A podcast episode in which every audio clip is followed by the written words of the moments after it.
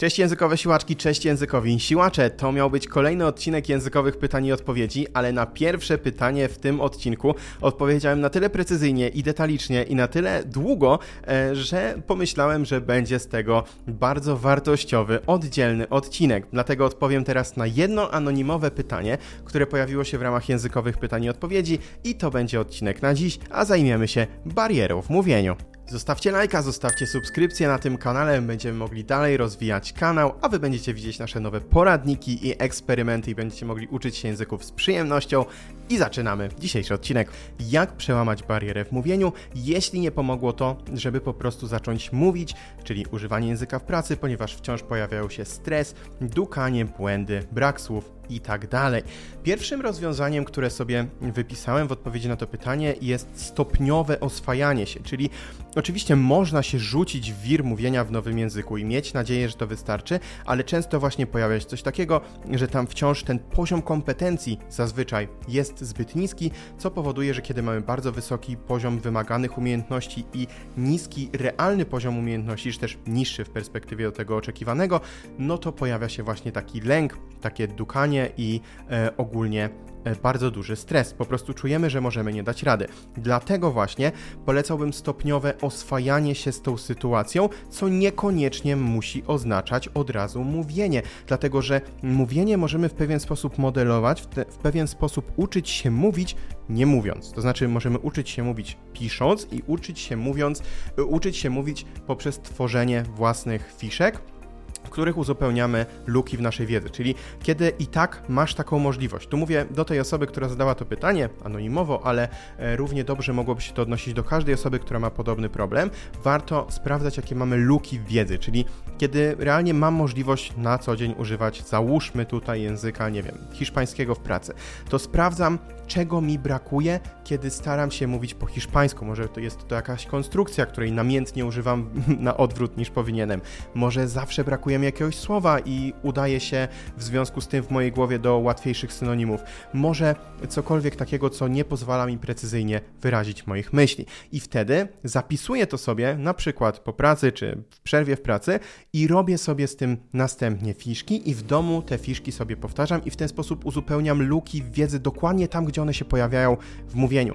Kolejną kwestią jest to, że w ogóle takich fraz można się uczyć na pamięć, to znaczy e, to brzmi jak coś, co nie powinno mieć miejsca, tak? Dlaczego mam się wyku... Ma... dlaczego mam kuć na pamięć coś, w jaki sposób chcę mówić? Znaczy, z jednej strony można pomyśleć, że nie ma to sensu, ale tak naprawdę, jak sobie o tym pomyślimy, to okaże się, że w gruncie rzeczy zwalnia nam to bardzo dużo ramu. To znaczy, jeśli będziemy pamiętać dokładnie i oczywiście będziemy to później dopasowywać w trakcie rozmowy w mądry, w skuteczny, e, fajny sposób, to może się okazać, że będziemy właśnie w stanie Mm, tak to wycyrklować, żeby mm, właśnie mieć taki model zdania, ale oczywiście nie mówić za każdym razem tego modelu zdania, tylko gdzieś tam robić jakieś drobne zmiany, ale dzięki temu, że ten taki sztywną, e, sztywny szkielet będziemy mieli już gotowy, to może się okazać, że właśnie zwolni nam się bardzo dużo tej pamięci operacyjnej, e, właśnie mm, tak e,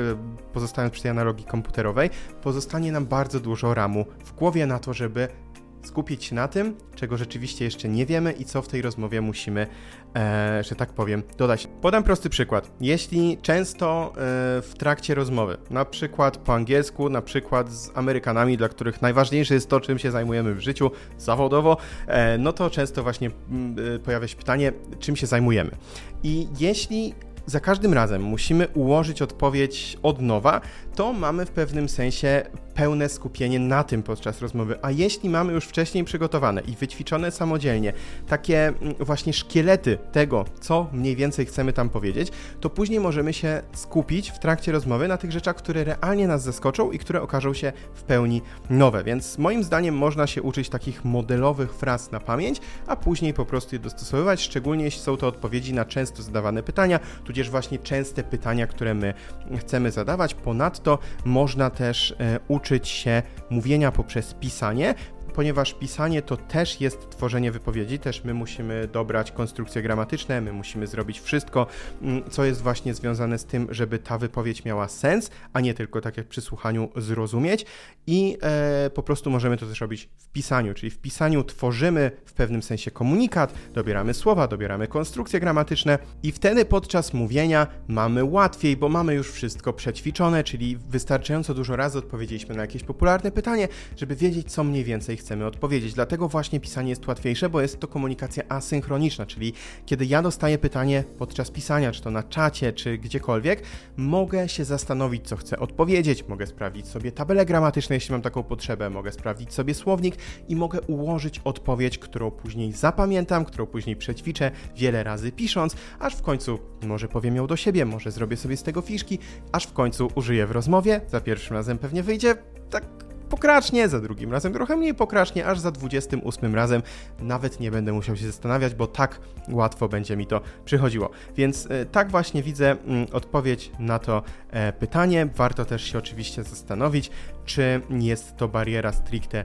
w mówieniu, czy może jest to bariera e, w wiedzy, to znaczy niewystarczająca liczba słów Twojej głowie, która nie pozwala na to, żeby stworzyć wypowiedzi, a może niewystarczająca znajomość konstrukcji gramatycznych, która sprawia, że jesteś w stanie z tych słów zlepić tych odpowiedzi, może się po prostu okazać, i tak czasem jest na takim poziomie powiedzmy B1, a kiedy chcemy już być na B2 czy C1, to często się tak zdarza, że właśnie e, mamy taką barierę wiedzy, czyli realnie nie umiemy jeszcze tak dużo, żeby być w stanie płynnie rozmawiać. I warto wtedy również pracować e, bardziej nie tylko na tych aspektach psychologicznych, które pojawiają się przy takiej barierze w mówieniu na zasadzie rozumiem poprzez słuchanie, rozumiem poprzez czytanie, ale nie jestem w stanie się wypowiedzieć, tylko właśnie przy tej barierze, która jest nie tylko w mówieniu, ale też w wiedzy, warto się mocniej mimo wszystko skupić na słownictwie, na gramatyce, może się trochę cofnąć w tym progresie językowym sprawdzić, czego nam brakuje, uzupełnić braki wiedzy. A tak jak mówiłem na początku tego nagrania, jest też pewien jeden z moich ulubionych sposobów na uzupełnianie luk w wiedzy, który też bardzo serdecznie Polecam. Dziękuję za dziś. Jeśli czujecie, że macie właśnie, a propos, jakiegoś rodzaju luki w wiedzy, ale nie tyle w wiedzy językowej, co również w tym, jak uczyć się języków szybko, skutecznie i z przyjemnością, to zapraszam do tego, żeby zajrzeć na stronę językwrok.pl, gdzie opisane są wszystkie szczegóły mojej autorskiej metody nauki dowolnego języka w rok, e, gdzie można właśnie poznać opinie, można poznać szczegóły, można obejrzeć lekcje przykładowe i można nauczyć się ze mną nowego albo nie nowego języka, bo można też od poziomu właśnie średnio zaawansowanego do poziomu zaawansowanego uczyć się ze mną, moją sprawdzoną metodą języka, trochę jak mm, gotowanie, gdzie mamy e, przepis na ciasto i jest swego rodzaju, a propos dzisiejszego odcinka, model, swego rodzaju szkielet, swego rodzaju najważniejsze elementy ciasta, ale wy ze mną decydujecie w tym kursie, jakiego języka się uczycie, na jakim jesteście poziomie i czy dodajecie do ciasta rodzynki, czy banana, czy pomarańcze. Wiecie o co mi chodzi. Językwrok.pl, tam wszystkie szczegóły. Bardzo dziękuję za dziś. Życzę Wam owocnej nauki języków. Do zobaczenia w następnym tygodniu. Trzymajcie się ciepło, pamiętajcie o codziennych językowych treningach. Zostawcie lajka, zostawcie suba i niech moc językowej siłki będzie z Wami. Cześć!